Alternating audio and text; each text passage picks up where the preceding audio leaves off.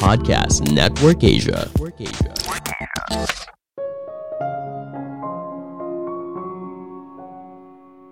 Pilih mana perusahaan bertumbuh puluhan atau bahkan ratusan kali lipat dalam waktu berapa tahun atau fokus mencapai keuntungan. Ini dilema yang sering kali dialami oleh para pendiri startup, growth versus profitability. Halo semuanya, nama saya Michael. Selamat datang di podcast saya, Sikutu Buku. Kali ini saya akan bahas soal fenomena gelombang PHK yang sedang terjadi di industri teknologi. Beberapa perusahaan teknologi memutuskan akan melakukan PHK besar-besaran atau memutuskan untuk hiring freeze. Situasi ini 180 derajat berbeda dengan kondisi saat pandemi. Ketika banyak negara melakukan lockdown atau pembatasan aktivitas masyarakat, industri teknologi malah jadi primadona. Bahkan beberapa perusahaan teknologi mengalami pertumbuhan keuntungan yang signifikan. Namun pestanya sudah usai. Saat ini, kondisi dunia penuh dengan ketidakpastian perang Rusia-Ukraina, inflasi yang tinggi di Amerika Serikat, suku bunga yang naik, dan sebagainya. Hal ini tentunya membuat para investor di balik perusahaan teknologi mulai berpikir ulang dan selektif dalam melakukan pendanaan. Sebelum kita mulai, buat kalian yang mau support podcast ini agar terus berkarya, caranya gampang banget. Kalian cukup klik follow. Dukungan kalian membantu banget supaya kita bisa rutin posting dan bersama-sama belajar di podcast ini.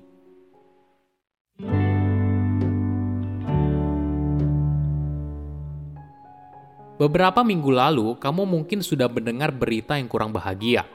Beberapa perusahaan startup besar mulai melakukan PHK besar-besaran. Misalnya mulai dari Link Aja, GDID, Zenius, dan sebagainya. Gelombang PHK massal tidak hanya terjadi di Indonesia, tapi juga di luar negeri. Ada perubahan besar terjadi di Silicon Valley. Perusahaan mulai mengumumkan PHK massal dan memutuskan untuk hiring freeze atau memberhentikan sementara proses rekrutmen karyawan baru. Sebagai gambaran, Netflix mengumumkan untuk memberhentikan 150 karyawannya.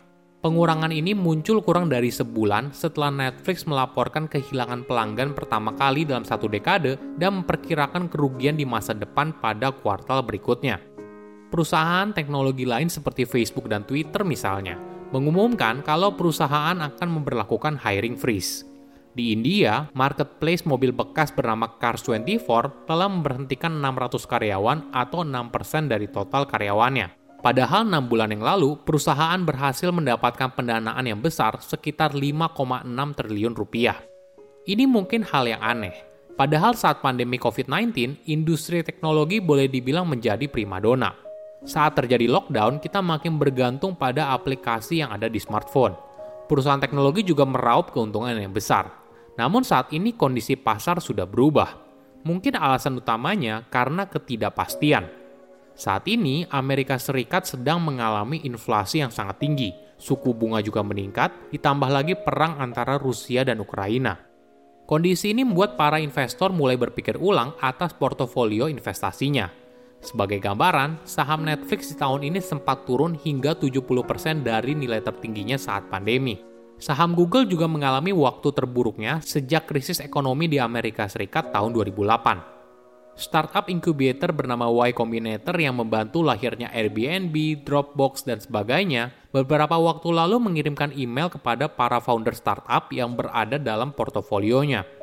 Di email itu, mereka menekankan kondisi ekonomi saat ini bisa berdampak pada pendanaan para venture capital. Mereka juga menekankan langkah terbaik yang bisa diambil oleh para founder di situasi saat ini adalah merencanakan skenario terburuk.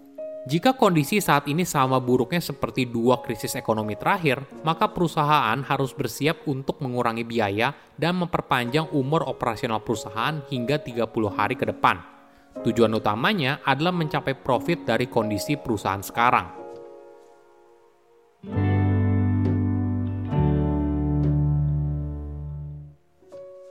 Dalam beberapa tahun terakhir, startup boleh dibilang mudah sekali mendapatkan pendanaan. Para investor dan pasar lebih menghargai startup yang bisa tumbuh signifikan dalam waktu singkat daripada mencapai keuntungan. Hasilnya, sebuah kondisi di mana growth lebih dihargai daripada profitability. Misalnya begini, aplikasi untuk trading saham dan investasi bernama Robinhood bertumbuh dari 700 menjadi 3.800 karyawan selama tahun 2020 hingga pertengahan 2021. Periode ini disebut sebagai periode hypergrowth. Artinya, jumlah karyawan telah bertumbuh hingga 6 kali lipat. Pertumbuhan yang terlalu cepat ternyata memiliki beberapa efek samping yang negatif. Misalnya beberapa karyawan yang direkrut punya fungsi dan tugas yang sama, struktur organisasi yang lebih kompleks sehingga perusahaan tidak bisa bergerak lebih cepat.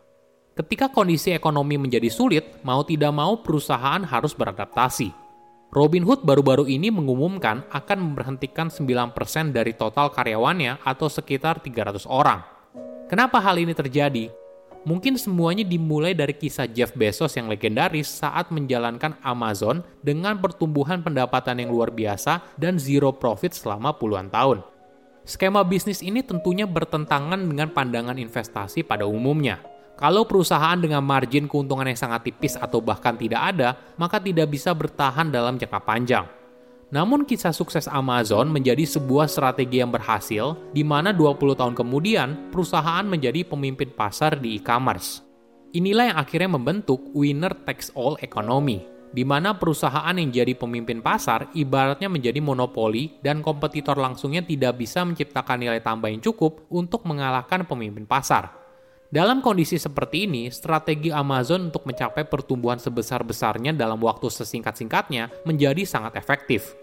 Jika tidak, maka kita bisa keduluan oleh kompetitor lain yang punya modal lebih besar dan investasi yang lebih agresif. Namun pertanyaannya gini, apakah semua startup harus menggunakan strategi tersebut?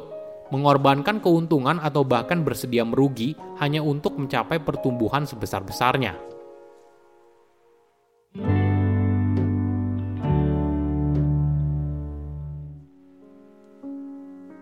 Jika dari tadi kita banyak membahas dari sisi perusahaan, bagaimana kalau kita sekarang membahas dari sisi karyawan? Buat kamu, para karyawan startup yang sedang mengalami PHK, saya turut berempati atas apa yang terjadi. Saya mendoakan semoga kamu segera mendapatkan pekerjaan baru yang lebih baik. Terus semangat dan ingat, ini bukan selalu tentang diri kamu atau kinerja kamu di perusahaan. Kondisi pasar yang buruk membuat perusahaan perlu menyesuaikan dan bertahan. Buat kamu para karyawan startup yang masih bekerja, tetap semangat ya. Coba mulai atur pengeluaran dengan baik Apabila ada pengeluaran yang tidak perlu-perlu banget, usahakan untuk ditunda dulu. Jika rencana mau ambil kredit yang besar, misalnya rumah atau mobil, coba dipikirkan matang-matang. Apakah kondisi keuangan kamu siap dengan segala resikonya di masa depan? Fokus hanya pada pengeluaran yang penting saja. Apabila kamu belum ada dana darurat, mulailah sisihkan dari gaji bulanan. Jika masih punya waktu dan energi lebih, cobalah untuk mulai usaha sampingan, belajar keahlian baru, dan sebagainya cobalah untuk punya lebih dari satu sumber pendapatan. Ini tentunya akan mengurangi dampak apabila terjadi kemungkinan terburuk, misalnya terkena PHK. Tidak ada yang tahu masa depan seperti apa, namun yang bisa kita lakukan adalah bersiap karena mungkin saja winter is coming.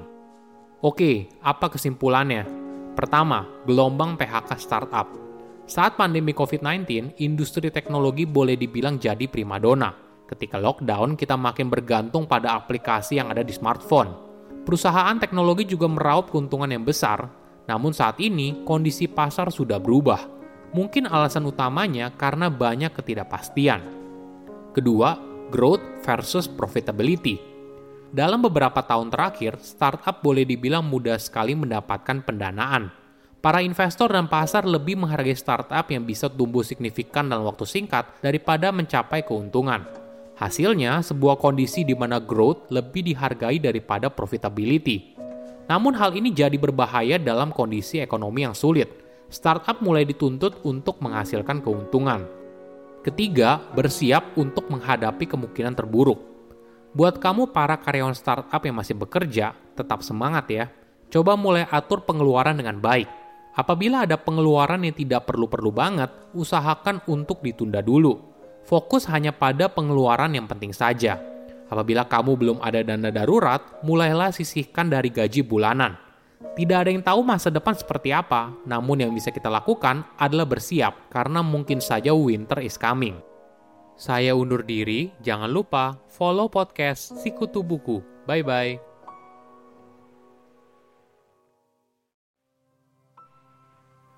Pandangan dan opini yang disampaikan oleh kreator podcast, host, dan tamu tidak mencerminkan kebijakan resmi dan bagian dari podcast Network Asia.